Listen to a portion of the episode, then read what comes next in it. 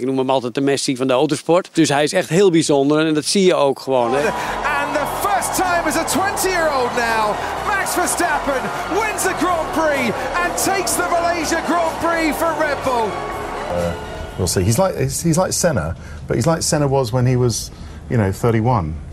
and Max is 20. Ja, je ziet gewoon hoe onbevangen hij eh, in de attack gaat. Hij is gewoon eh, een en al racer. Hij weet niet beter. Yes! Yes! Was a good one. Max Verstappen, you are brilliant. Fantastic drive. Goeiedag, mijn naam is Carne van Brink en fijn dat je naar deze Nu.nl podcast luistert. Dit Wordt Het Nieuws podcast serie. Ja, je hoort het inderdaad goed, we gaan iets anders doen. Begin van de week, we gaan namelijk omdat het kerst is, allemaal een fijne kerst nog toegewenst, gaan we terugkijken op het afgelopen jaar. Maar vandaag gaan we het hebben over onze eigen Formule 1-expert Joost Nederpelt met zijn passie Formule 1 en Max Verstappen. Eh, je staat eh, binnen nu.nl eigenlijk ook wel een beetje omschreven als de Formule 1 expert. Waar komt dat vandaan?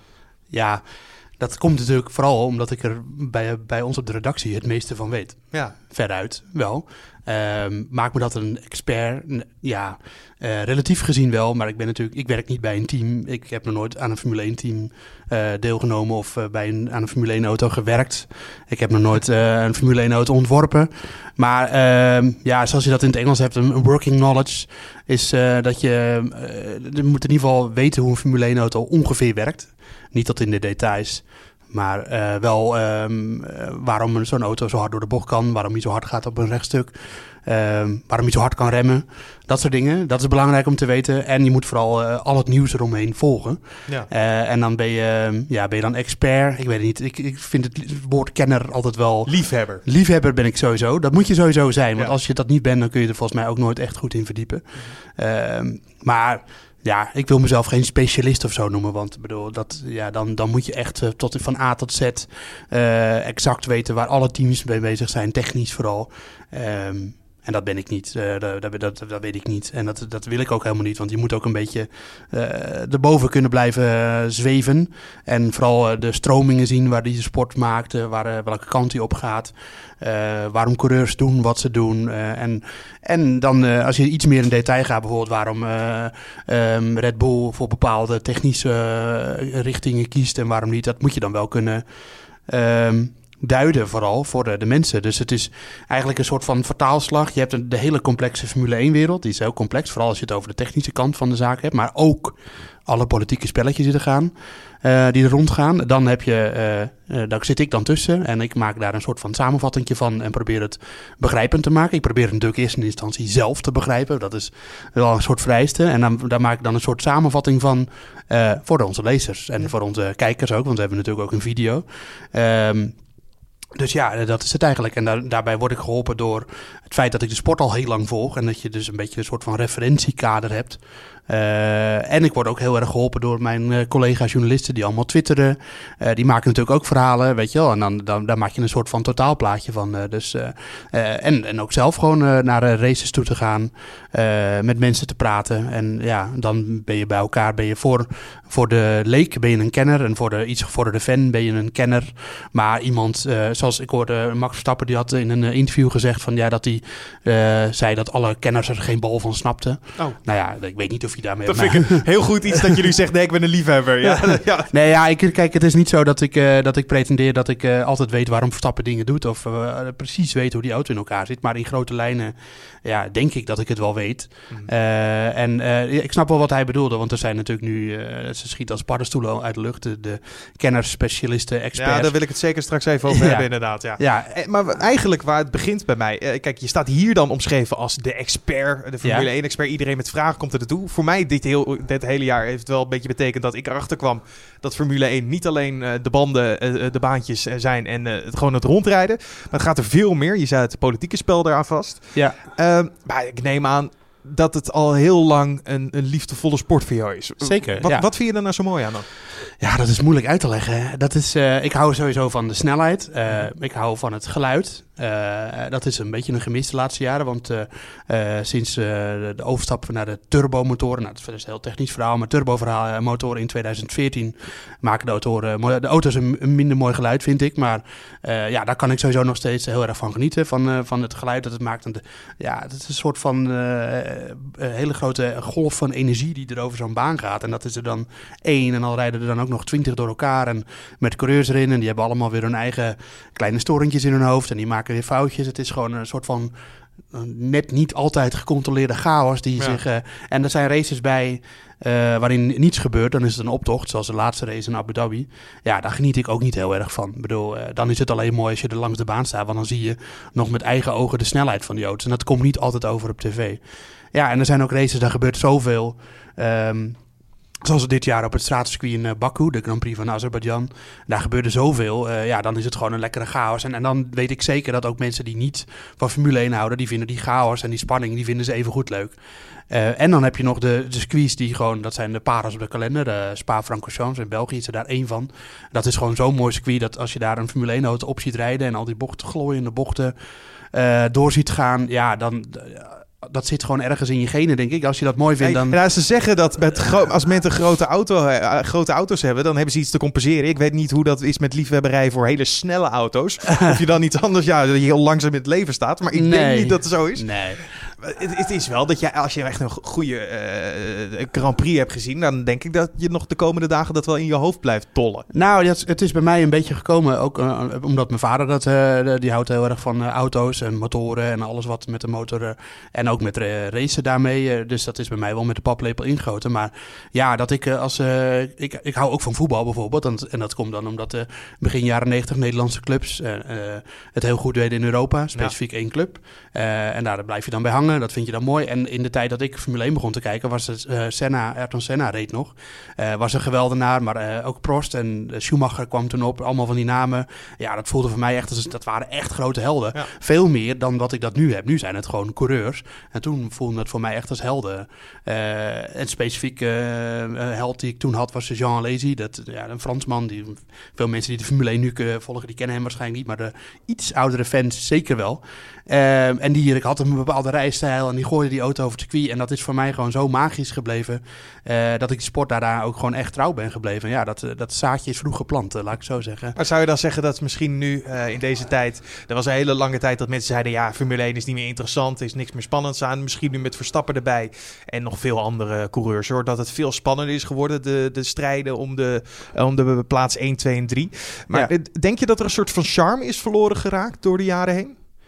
Ja, dat weet ik niet. Kijk, het, natuurlijk zijn er, uh, zijn er jaren geweest die uh, minder spannend waren. En er zijn jaren geweest die heel spannend waren. En ja, die moet je, als je die op een hele lange rij zet, dan valt het eigenlijk wel mee. Dan zijn er altijd weer spannende seizoenen tussen geweest. Maar je moet niet vergeten, kijk, een Formule 1 seizoen bestaat meestal uit maximaal 20 races. Vroeger waren het er zelfs nog minder. Dat zijn 20 momenten, laten we even uitgaan van 20 momenten per jaar waarin die sport zichzelf moet bewijzen. Als je kijkt naar voetbal, je hebt de competitie, je hebt bekervoetbal deze week.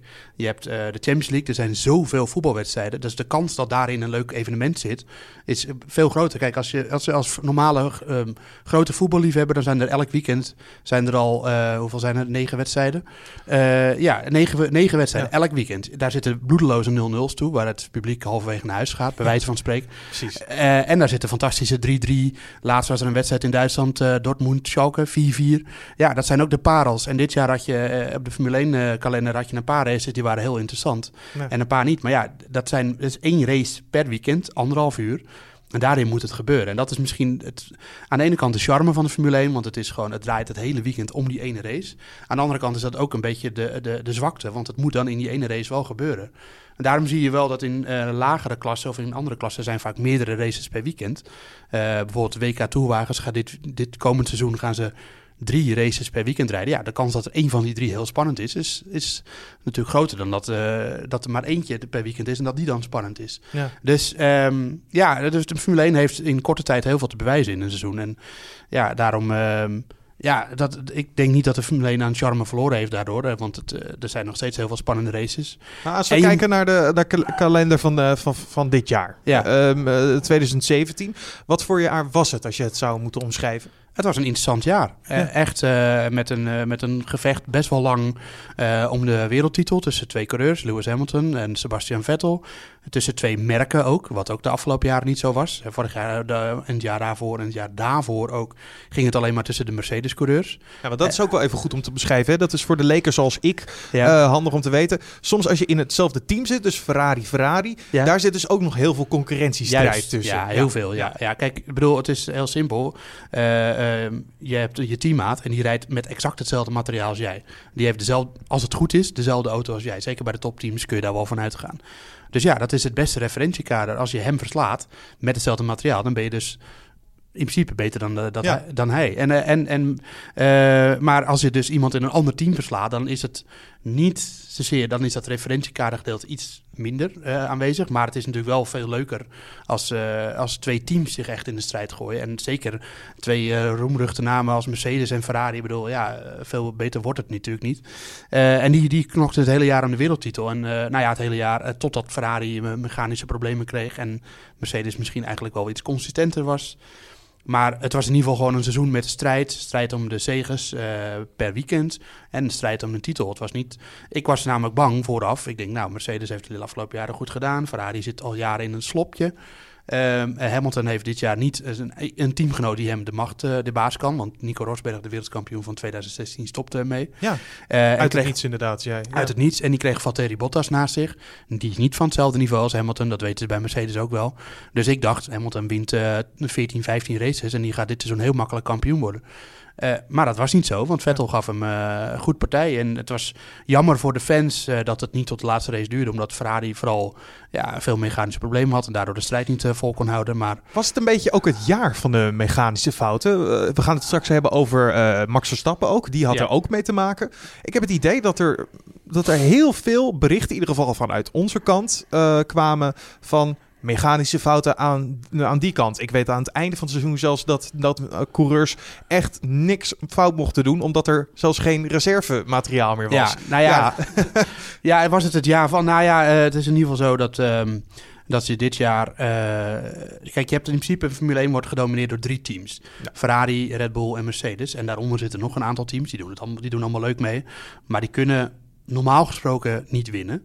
Eh, en die doen normaal ook niet mee om de strijd om de zegen. En ja, dit jaar waren er twee van die drie dominante teams die gewoon eh min of meer veel problemen hadden. Eh, Red Bull had veel problemen, Ferrari had aan het eind veel problemen.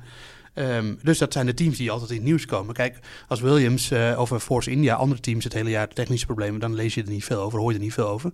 Maar nu waren het de topteams die echt veel mechanische problemen hadden. Vooral eh, Red Bull natuurlijk. En dan ook vooral nog eens Renault, de motorleverancier van Red Bull. Maar daar komen we later nog wel op. Dus ja, ik denk dat het zo lijkt. Maar of het nou echt een, een jaar was met heel veel technische problemen. mm, ja, meer bij de topteams vooral. Maar over de hele denk ik dat het wel meevalt. Ja, de spanningsstrijd was er dus wel. Niet helemaal tot het einde. Jammer genoeg, want dat wil eigenlijk wel elke fan natuurlijk zien. Dat het op het laatste moment nog spannend blijft. Tuurlijk, ja. Ehm, kunnen we ook zeggen dat het het jaar was van echte doorbraak van Max Verstappen? Voor het Ehm, grote publiek? Nou, eigenlijk eh, was dat, vond ik dat het vorige seizoen al wel. Het is meer ehm, dat Verstappen dit seizoen heeft laten zien dat hij. Ja, kijk, vorig seizoen was het echt op de deur kloppen en de deur ging op een kier. En eh, dat kwam vooral door zijn overwinning in Spanje vorig jaar. Maar ook echt door die bizarre regenrace in Brazilië. Eh, nou ja, we hoeven het niet heel veel over vorig jaar te hebben. Maar daar, nou, toen wisten de meeste kenners, die wisten al dat het een hele goede was. Maar dat was een soort van bevestiging. En dit jaar heeft hij gewoon eh, vooral laten zien dat hij sneller is dan zijn teamgenoot Daniel Ricciardo. Die overigens wel hoger is geëindigd in de WK-stand. Maar dat, dat geeft niet het goede beeld meer, want Verstappen heeft meer races gewonnen. Ehm, en ook nog eens op eigen kracht. Vooral eh, die in, eh, in eh, Singapore, of eh, Singapore in eh, Maleisië. Ehm, eh, die heeft hij op eigen kracht gewonnen. En Ricciardo die won er een in Baku. En dat was echt een goudse. Dat was met heel veel geluk. Ehm, en eh, Verstappen had op veel meer beslissende momenten pech dan Ricciardo. Maar desondanks, als je. Ja, er zijn natuurlijk altijd fans die gaan dan aan het eind van seizoen gaan ze dat allemaal naast elkaar leggen. Eh, echt exact per rondetijd, per race. En dan blijkt gewoon, Verstappen heeft het dit seizoen beter gedaan dan Ricciardo. Nou, is Ricciardo de ultieme benchmark? Nee, dat is Lewis Hamilton. Maar het is wel echt een grote benchmark. En daar heeft Verstappen nu ja, wel duidelijk afstand van genomen. Vooral ook in de kwalificaties, wat altijd het sterke punt was van Ricciardo.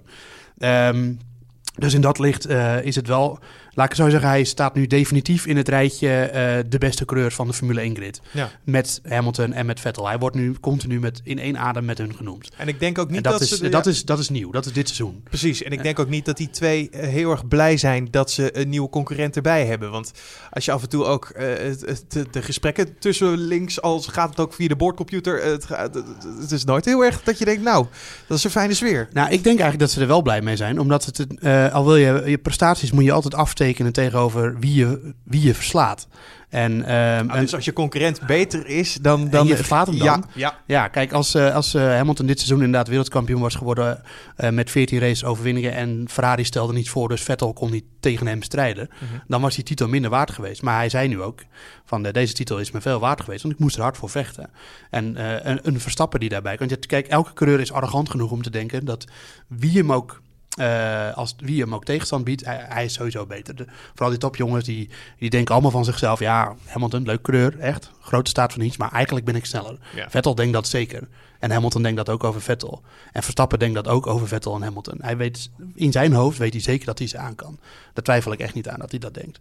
Dus ja, eh, maar dan is het evengoed leuk als je echt grote namen weet te verslaan. En Verstappen komt daar nu bij. Nou, als Hamilton volgend jaar weer wereldkampioen wordt, of Vettel eh, of Verstappen. En stel Verstappen wordt volgend jaar wereldkampioen en die verslaat Vettel en Hamilton. Ja. Die dan allebei nog mee- meedoen. Ja, dat is natuurlijk veel meer waard dan dat die er niet meer zijn. En de concurrenten zijn beduidend minder. Dus ja, eh, ze zijn echt allemaal blij met veel topcoureurs in de, eh, op de Formule 1 grid. Daar ben ik zeker van. Ja. Ja. En hij heeft ook bijgetekend bij Ja. Red Bull. ja. Dat was wel een tijd van ehm, misschien geen twijfel vanuit Max Verstappen en zijn hele crew, maar meer vanuit mensen die verwachten. Oh, hij zal wel bij Ferrari eh, komen. Of Ja. hij zal wel een plek krijgen bij Mercedes. ja. Dat, dat was het niet. Nee, Zou die met dat idee hebben gespeeld? Ja, dat, dat, dat weet ik echt niet. Nee, maar dat, eh, ja, kijk, ehm, het is altijd lastig om, om daar de keuzes in te maken. En coureurs, eh, veel bekende coureurs, eh grootste voorbeeld Fernando Alonso, eh, zijn, zijn soms zijn ze, nemen ze gewoon gokken daarmee. En je, moet, je maakt de keuze op basis van dit seizoen, wat je dit seizoen hebt gezien. misschien, maar je moet eigenlijk natuurlijk twee stappen vooruit kijken. Wat, Ja. wat doet dit team over twee jaar? Nou ja, voor Red Bull ehm, zag het er gewoon niet goed uit. En, eh, en eigenlijk, voor, als je naar komend seizoen zei- kijkt, dan eh, de kans dat de Renault-motor ine- ineens opgewassen is tegen de Ferrari-motor en vooral de Mercedes-motor, die is niet groot. Eh, mensen die daarop op rekenen, het zou, het zou kunnen, maar het is een, het is, de kans is niet groot. Ehm, maar bij Verstappen bleek er dus nog een, een, eh, een, eh, een addertje onder het gras te zitten. En dat is dat eh, Red Bull eigenlijk nu een soort eh, vrijage aangegaan is met Honda. Eh, nou, Honda is de afgelopen drie seizoenen eh, een beetje het lachertje van de Formule 1 geweest. Want eh, een hele grote, de, Honda is de grootste fabrikant van verbrandingsmotoren ter wereld. Dus dat, die motoren zitten overal in, grasmaaiers, eh, Ja. crossmotors. Honda is een hele grote naam. Je Met- koelkast. Ja, gewoon overal in. Ja. ja, nou, niet overal in. Maar, maar Honda is een gigantisch grote naam. En die krijgt het dus niet voor elkaar al een paar jaar op rij om een competitieve Formule 1 motor te bouwen. Eh, maar ze geven het niet op. En eh, vroeg of laat dan weet je gewoon dat het een keer dat hij er wel is, die, die succesvolle motor. Nou, Honda is nu een deal aangegaan met Toro Rosso. Dat is het zusterteam van Red Bull. Daarom kan Red Bull mooi kijken van eh, de progressie die Honda boekt. Want ze hebben een referentiekader ten opzichte van de Renault-motor. Want daar reed Toro Rosso vorig jaar mee. En daar rijden ze zelf volgend jaar nog mee. Dus ze zien vanzelf van, hé, hey, welke is beter? Eh, nou, met Renault gaan ze al stoppen. Eh, en Verstappen is ook nog eens in de Honda-fabriek in Japan geweest. En die heeft daar waarschijnlijk... nou, hij is niet heel gauw onder de indruk, maar wel gezien van zo. ze hebben hier wel flink wat, wat apparatuur en faciliteiten. Dus het, is Shaki in de chocoladefabriek, maar dan in een hele mechanische tijd. ja, het is Geen, maar het is geen kinderachtig merk, Honda. En, Nee. eh, en daar moet ja, bedoel, het- natuurlijk eh, lachen we er allemaal om als er weer eens een rokend naast de baan staat. Maar ehm, het- er komt echt een tijd dat die motor succesvol is. Nou ja, de kans is nu groot dat die in 2019 dus dat we Red Bull Honda krijgen. En als die motor dan competitief is, ja, dan, eh, dan, eh, dan heeft Verstappen goed gegokt. Maar het blijft een gok. Ja. Eh, hij had ook Had een- je het verwacht eigenlijk dat hij dit zou doen? nou, ehm, ik, kijk, hij, ik zag hem niet naar Ferrari gaan naast Vettel. Nee. Eh, en Vettel zit daar nog voorlopig een tijdje. Die heeft ook bijgetekend. Ehm, ik zag hem ook niet naast... Nou, ik denk niet dat... Ja, Mercedes had hem misschien gewild. Nou ja, Niki Lauda heeft ehm, vrijdag gezegd van... ja, we wilden Verstappen eigenlijk... We, we hebben hem nog helemaal geen aanbieding gedaan. Nou ja, dat is Niki Lauda. Die zat het een beetje aan het stoken. Ja, maar daarvoor was hij wel, ik, was hij wel heel positief altijd Nee, over. maar Mercedes Ja. is heel positief over Ja. Verstappen. En misschien wilden ze hem ook wel hebben. Maar ja, je, we, we zullen nooit weten, want dat gebeurt allemaal achter de schermen en via telefoongesprekken. Hoe graag eh, Mercedes ze daarvoor, hoe ver ze daarvoor bereid waren te gaan. En het kan ook nog best zijn dat Lewis Hamilton bij Mercedes zei en dat die zei van ja, stappen naast me. Eh, ik bedoel, speculeer ik hoor, want dat weet ik niet. Maar het, het zou kunnen dat hij dat niet gewild eh, heeft. En dat zou, Vettel zou dat ook gezegd kunnen hebben. Ja. Schumacher in de tijd die, dat hij bij Ferrari deed, toen bepaalde hij min of meer vooral wie er geen tweede coureur werd. Ehm, en dat, ja, dat soort deals, dat, dat bestaat gewoon. Dus, Bestaat, eh, ja. ja. en, en het, maar het is ook, het- eh, kijk ik vanuit het perspectief van, eh, van Verstappen. Bedoel, eh, Red Bull heeft hem de kans gegeven. En wat is er nou mooier als hij het team echt, dat hij mee kan gaan en dat daar dan successen mee kan boeken. Dat, eh, ja, dat, dan denk ik dat hem dat meer voldoening zou kunnen geven dan dat hij instapt bij de snelste auto. Nou, elke coureur wil uiteindelijk wel de snelste auto, maar instapt bij Mercedes en eh, oh, ik heb nu de snelste auto en nu win ik. Ja, terwijl, of je we hebt zelf het team ook opgebouwd en weer naar de, naar de voorste plaatsen gehaald. Ja, dat is misschien eh, leuker. Ik weet het niet. Dat, ja, ik denk ook dat dat natuurlijk voor jezelf een, afweging is, inderdaad. Ja, Een afweging die heel veel mensen hebben gemaakt dit jaar was, vind ik Formule 1 eh, iets voor mij, ga ik het volgen. Om Max Verstappen kon je niet echt heen. Eh, Nee. In een zekere eh, supermarkt zag je hem voorbij eh, karren met zijn, met zijn winkelmandje. Mhm. Je zag hem op posters, je zag hem de, de- op broodtrommels, je zag hem overal voorbij komen. Ja. En eh, daarbij kwam ook het feit dat heel veel nieuwe Formule 1-fans ook daarbij natuurlijk scharen. Ja. Ehm, hoe kijk jij tegenover eh, Formule 1-fans die eigenlijk alleen maar Formule 1 kijken omdat Max Verstappen erbij zit? Het is een, eh, denk een van de meest gevraagde vragen aan een, eh, ja, een, liefhebber. Ja, ik heb, vind het eh, hartstikke leuk dat die mensen er allemaal zijn. Ja. Ja, ik bedoel, het, kijk, eh, ik moet gewoon eerlijk zijn, het, het biedt mij ook kansen. Eh, en mij en vele andere mensen die journalistiek gezien iets met Formule 1 doen. Want er is meer vraag naar. ja. En als er meer vraag naar is, dan levert dat voor ons ook meer werk op. Ja, en meer mogelijkheden. Dus en, eh, dat is in de eerste plaats natuurlijk. Hoe meer aandacht er is voor Verstappen, hoe beter. Wat ik alleen ehm, een beetje mm, mm, zeg dat mensen wel mee op moeten letten, is dat ze niet. Ze moet, het moet geen voetbal worden als in eh, mensen zijn Verstappen-fan en die hebben daar maar een hekel aan Hamilton of aan Vettel.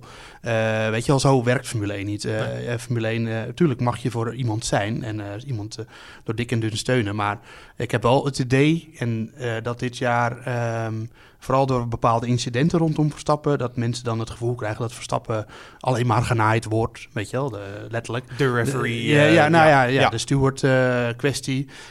of dat mensen eh, bijvoorbeeld ehm, eh, de rijstijl van eh, Vettel is dat dan vooral, die in Nederland vaak eh, eh, het bokje is eigenlijk. Ehm, ehm, en dat hij dan vaak wordt, ja, een beetje wordt zwart gemaakt en belachelijk gemaakt. En eh, Vettel is maar een eikel. En eh, Vettel is nog een Duitser ook natuurlijk. Niet de meest populaire nationaliteit in Nederland.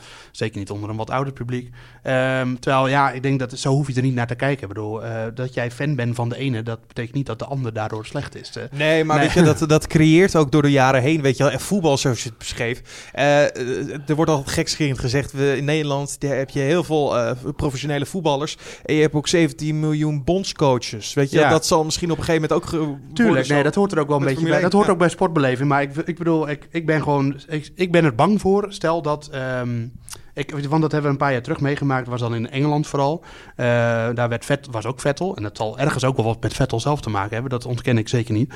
Maar Vettel reed toen bij Red Bull en die reeg de zegens aan één. En die ging toen, en hij was concurrent van Hamilton toen al. En toen ging hij naar Silverstone en toen werd Vettel daar uitgefloten. En dat gebeurde ook op andere plaatsen. En dan denk ik, eh, Vettel is een hele goede coureur.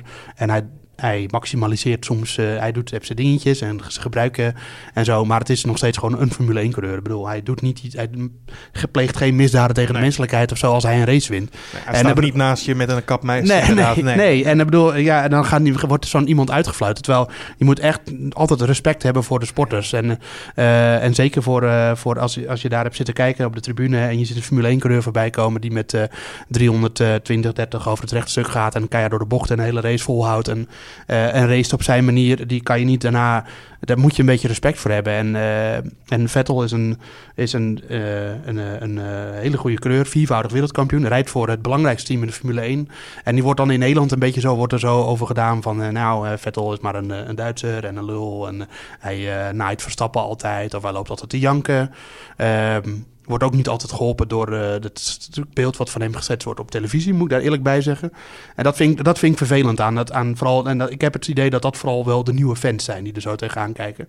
Ehm, Maar ja, goed, dat is, dat is het enige nadeel, vind ik. Maar voor de rest, ja, Formule 1, eh, nieuwe Formule 1-fans heb ik idee, laten zich ook graag informeren. Eh, ik merk dat de uitlegstukken die ik daarover schrijf, die worden heel goed gelezen. Mensen willen graag leren. Eh, want het is een complexe sport. Die is niet altijd 1, 2, 3. Het is niet zo makkelijk als voetbal om te begrijpen. Zeker niet vooral waarom dingen gaan zoals ze gaan. waarom auto's soms stuk gaan. waarom de een harder gaat dan de ander. En dat willen ze allemaal wel graag weten, heb ik het idee. Eh, en ze zijn gewoon fan van Verstappen. En dat is natuurlijk hartstikke leuk. Want eh, ja, we hebben een Nederlander eh, in de Formule 1. En dat, zo werkt dat gewoon. Als er een Nederlander, dan wordt het populair in, in Nederland. Dat, dat is met dart zo. Dat is We met, zijn heel nationalistisch inderdaad met z'n allen. Nou ja, nationalistisch weet ik niet. Maar, maar chauvinistisch in ieder geval. Beter woord. Ja, Ja, dankjewel. Ja, kijk, ik kan me nog herinneren, een paar jaar terug. Toen hadden we een, goede boogschieter op de Olympische Spelen. En toen keken we daar aan met z'n allen naar. Ja, weet je, zo, zo werkt dat. En Verstappen presteert natuurlijk ook. En hij is ook echt een, eh, een, een, een toffe gast. Eh, echt iemand waarmee je kan identificeren. Nou, eh, ja, het is hartstikke leuk dat, dat heel veel mensen erbij komen. Dus wat dat betreft... Maar let erop dat je wel respect houdt voor de sport... en voor de deelnemers aan de sport. En, en geen, ja, niet kort door de bocht met een Nederlandse bril overal naar kijken. Je moet er wel een beetje... Ja, ik zeg niet dat je objectief moet zijn, maar wel realistisch. Zo zou ik wel willen zeggen. Boodschap van de Formule 1-expert van nu.nl. Heb de sporter lief. Ja, Dat ja, ja. ja. Inderdaad. Eh, als we kijken eh, naar eh, het komende jaar. We gaan straks eh, 2017 afsluiten. Ja. We mogen 2018 eh, verwelkomen. Jij, ik denk dat je nog doorgaat met de video vooruitblikken. Zeker, ja. We zijn ook sinds kort begonnen met een, ja, eigenlijk uit de hand gelopen. oh ja, we kunnen ook nog iets met Formule 1, met podcasting gaan Ja. doen. De, de, de, na- nabeschouwing. Ik denk dat we daar ook gewoon weer mee doorgaan. Zeker weten. Ja, Ja, het is dat- goed bevallen. En mensen vinden het leuk, want we krijgen leuke reacties. En het wordt goed geluisterd. Het Dus, wordt echt goed, heel goed beluisterd. En Ja. ik, ik, eh, ik, ik heb die eerste aflevering met jou gemaakt. En ik vond het eigenlijk veel fijner om daarna er niet meer bij betrokken te zijn. Misschien een beetje montage te doen. Maar dan kon ik gewoon lekker luisteren en werd ik ook verbaasd. Dus eh, Ja. dat vind ik heel fijn. En eh, lekker dat we daarmee doorgaan. Daar ben ik heel blij mee. En ja, een heel nieuw seizoen. Een heel nieuw seizoen, ja. Wat verwacht je ervan? Ehm, ik verwacht een, wel een beetje een vergelijkbaar seizoen met, met dit jaar. Ehm, en het is echt moeilijk om in te schatten hoe bepaalde teams uit de winter komen. Eh, vorig, vorig jaar had Ferrari een grote stap. Hebben ze die weer ge- gezet? Eh, hebben ze die achteruit gezet? Is Mercedes weer eh, echt het ijzersterke team wat ze vorig jaar en het jaar daarvoor... en dat ligt dan aan de auto? Zoveel Ja, factoren. Dat ligt aan zoveel factoren. Dat is, kijk, het is, Formule 1 is vooral de ontwikkeling van een auto. Dat is op ideeën komen. En die, op die ideeën kom je door heel veel te testen, maar ook gewoon door soms op een idee te komen. En dat is, Ja. dat is natuurlijk iets moois in het menselijk brein. Iemand komt soms op een idee. En dan, de, en dan kom je als ene team kom je uit de winter en denk je, nou, we hebben het zo goed gedaan. En dan heeft die andere team die er had, iemand bij dat team had een idee. En daardoor, ja, weet je, of ze hebben net weer iets verkend wat jij nog niet verkend had. Het is zo lastig om, eh, om in te schatten. Kijk, je, je moet ervan uitgaan dat eh, Formule 1, daar regeert geld ook voor een groot deel. Want de, net als bij voetbal, de beste spelers spelen bij de topteams. eh, de beste technici werken voor de topteams in de Formule 1. Dus die komen vaak ook op die betere ideeën. Maar, ehm, dus je, je zal niet zien dat een ene Mercedes achteraan rijdt of zo, zeker niet. Maar, maar eh, ja, het is een beetje, het is leuk, want vooral die drie strijd tussen Red Bull, ehm, Mercedes en Ferrari, ik verwacht dat die wel blijft. Ehm, en dan heb je nog twee echte dark horses. Eh, eentje daarvan is, ehm, is Renault. Eh, want eh, Renault is een fabrieksteam en die stijgen de afgelopen... Die zijn weer teruggekeerd in de Formule 1. Die stijgen nu in, de, in de pickorde. En die werden dit seizoen werden ze zesde in de pickorde. En dat kan volgend jaar zomaar eens vierde zijn. Ehm, en ze hebben een goed coureursduo. Dus daar verwacht ik wel wat van. En de echte dark horse is McLaren. Want McLaren heeft de afgelopen jaren met de Honda-motor... door niet presterende Honda-motor gereden. En die hebben volgend jaar een Renault-motor. Dezelfde als Verstappen. En Verstappen heeft laten zien dat je met de Renault-motor gewoon kan winnen. En Fernando Alonso is een hele goede coureur. Echt een hele goede coureur. En die rijdt met die McLaren. Wat ook echt best wel een goede auto is. En nu met een redelijke motor. Dus eh, ja, het is, eh, ik denk dat het... eh, En gaat, en gaat die Halo nog wat betekenen? Dat het is een, een soort beschermkap die er nog bij komt? ik ga nu even mijn persoonlijke mening geven. Wat het vooral gaat betekenen is dat Formule 1-auto's minder mooi zijn. Ja. En, ehm, eh, maar goed, ja. Ik bedoel, dat ding zit erop. Het is voor de veiligheid. Maar dat, wat, wat is de veiligheidskatern die erbij komt dan? Dat je hem niet makkelijk door de vooruit kan? Of, eh, wat, nou, dat is, ja, nee, Ja. vooral dat er vooraf eh, geen, eh, geen objecten of projectielen de coureur kunnen raken. En ook als er auto's... we hebben wel eens gehad dat een auto schuin over de positie van de coureur ging, een andere auto. En dat, dat de coureur is gewoon beter beschermd, zo Ja. moet je het eigenlijk zien. Ja. Van voor en van boven. Alleen ja, er zit gewoon een lelijke beugel op dat ding. En ja, dat, esthetisch gezien heeft het niet mijn voorkeur, maar als het werkt en... kijk, Eh, het enige wat ik erover wil zeggen, stel je hebt komend jaar wordt iemand geraakt door een losvliegend onderdeel en de halo zit er niet op en hij was bedacht, dan, dan gaat iedereen denken van ja, hadden we nou maar. De Halo, ja. Ja, en nu zit hij erop. Dus eh leren maar mee leven, denk ik. Eh, het is niet anders. Ja. En eh, ik, ik, daar wil ik eigenlijk ook wel een beetje mee afsluiten. Is dat het feit dat wij als Nederlanders nu heel groot fan zijn van Max Verstappen. Eh, alles wat we natuurlijk hopen van eh, zo'n grote victorie is een kampioenschap. Natuurlijk Max op één, dat hopen we. Maar ook Nederlands paradepaardje, een Grand Prix in Nederland. Ja, Volgend jaar, Zandvoort. Mogelijkheid. Kan dat? Eh, volgend jaar zeker niet, want de kalender van volgend jaar eh, ligt al vast. Ah, kijk. Nee, dan weet ik dat. ja, nee, dat, eh, die gaat er niet meer komen de, volgend jaar. En Maar ze zijn wel bezig, toch? Ja, het, Ja. het borrelt, zeker. Ehm eh, Assen, het circuit in Assen, waar normaal de MotoGP rijdt, die, die zijn in de race, zoals je dat kunt zeggen. Zandvoort is in de race, maar ja, Zandvoort zie ik het persoonlijk niet gebeuren, want daar zijn, moet te veel aan het circuit gebeuren voordat het, eh, voordat het daar... Vooral veiligheid volgens mij ook. eh, nou ja, vooral veiligheid, maar vooral ook faciliteiten en de allerbelangrijkste infrastructuur. En dat is bij Zandvoort gewoon een heel groot probleem, want er zijn maar twee. eh, er zijn maar twee nou ja, relatief kleine wegen naar het circuit toe. Vanaf, nou ja, vanaf de omgeving Haarlem en zo. En, ja, het is gewoon. Als stel nou dat. Ik, ik denk dat als je een Grand Prix in Nederland krijgt en je hebt, je hebt plek voor 200.000 mensen op een zondag, dan komen die. Dat zou zomaar kunnen. Eh, als je de plek hebt, dan komen ze. Kijk, ik weet niet of je 200.000 mensen daar kwijt kan, maar als je ze die ruimte biedt, dan komen ze. 200.000 mensen in de omgeving Zandvoort met twee wegen. Dat is onmogelijk. Dus ja, je kan verbouwen aan het circuit wat je wil, maar er moet eigenlijk eh, er moet gewoon een soort van snelweg naar het circuit. Ik, was, eh, ik ben wel heel vaak op het circuit van eh, Barcelona, eh, Catalunya geweest. En daar ligt dat circuit gewoon in de, in, zeg maar, in de oksel van twee hele grote snelwegen. Dus als de Grand Prix er afgelopen is, dan kunnen mensen heel makkelijk heel snel weg. En eh, ja, of we moeten denken, nou oké, we willen graag een Grand Prix. En dan nemen we dat gigantische verkeersinfarct, wat er echt gaat komen, maar op de koop toe. Maar Er waren dat- zelfs plannen op een gegeven moment om door de stad van Rotterdam en dan Ja. va- vanuit, ja, dat, dat- wat- Ja. vanuit de oude Kuip naar de nieuwe Kuip die er dan komt en dan door de stad heen Ja. en dan door het water ook of over het water heen. Over het water hoop ik. Ja, Ja, ja. ja en goed, kijk, eh, het is wel zo dat de nieuwe eigenaren van de Formule 1, dat is Liberty Media. Nou, inmiddels zijn ze niet meer zo nieuw, maar de eigenaren die willen, die vinden het, die zijn fan Amerikanen. Ja. Amerikanen die zijn fan van stadsraces. Mhm. Ehm, dat stelen ze steken ze niet onder stoelen of banken. En nou, ik ken eh, Amsterdam iets beter dan Rotterdam. In Rotterdam ben ik wel een paar keer bij de, eh, de City Racing geweest daar. Ehm, als het ergens kan, dan is het denk ik wel in Rotterdam. In Amsterdam zie ik het echt niet gebeuren. Maar ehm, ja, ik denk toch dat je er rekening mee moet houden dat je een dusdanig gro- grote toestroom hebt. Dat, het misschien niet, dat je dat niet kwijt kan op een straatcircuit. Eh, want ik denk letterlijk dat je gewoon. Ik denk dat als je ruimteplek biedt aan 300.000 mensen, komen ze ook nog. Dus er komen zoveel mensen op af op zo'n eh, op zo'n Nederlandse Grand Prix. De- zeker als Verstappen vooraan meedoet. Nou, dat, dat wordt een soort vol- volksverhuizing. Dat zie ik niet in Rotterdam Centrum gebeuren. Dus ja, is er eigenlijk maar één kandidaat over. En dat is dus Assen. Eh, maar dat circuit is redelijk smal. Eh Formule 1 auto's mogen daar wel rijden. Maar er moet ook nog weer veel aan verbouwd worden. Dus ja, ik zie het voor 2021 eigenlijk niet gebeuren, eerlijk gezegd. Eh, maar ik zie het in de toekomst, zeker als Verstappen blijft doen wat hij nu doet, zie ik het wel gebeuren. Er is zeker potentie voor, maar dat gaat nog gewoon een tijdje kosten. Ach ja, nou, ik neem het op de koop op. Dat, Ja. eh, dat scheelt er weer. Gewoon Oké. naar Spa-Francorchamps, hè? hartstikke mooi circuit. eh. Daarom, ik, eh, ik rij met je mee. Komt goed. Ehm, de grote winnaar voor volgend jaar. Heel snel. Wie wordt dat? Ehm, Dat is heel lastig om nu te beschrijven.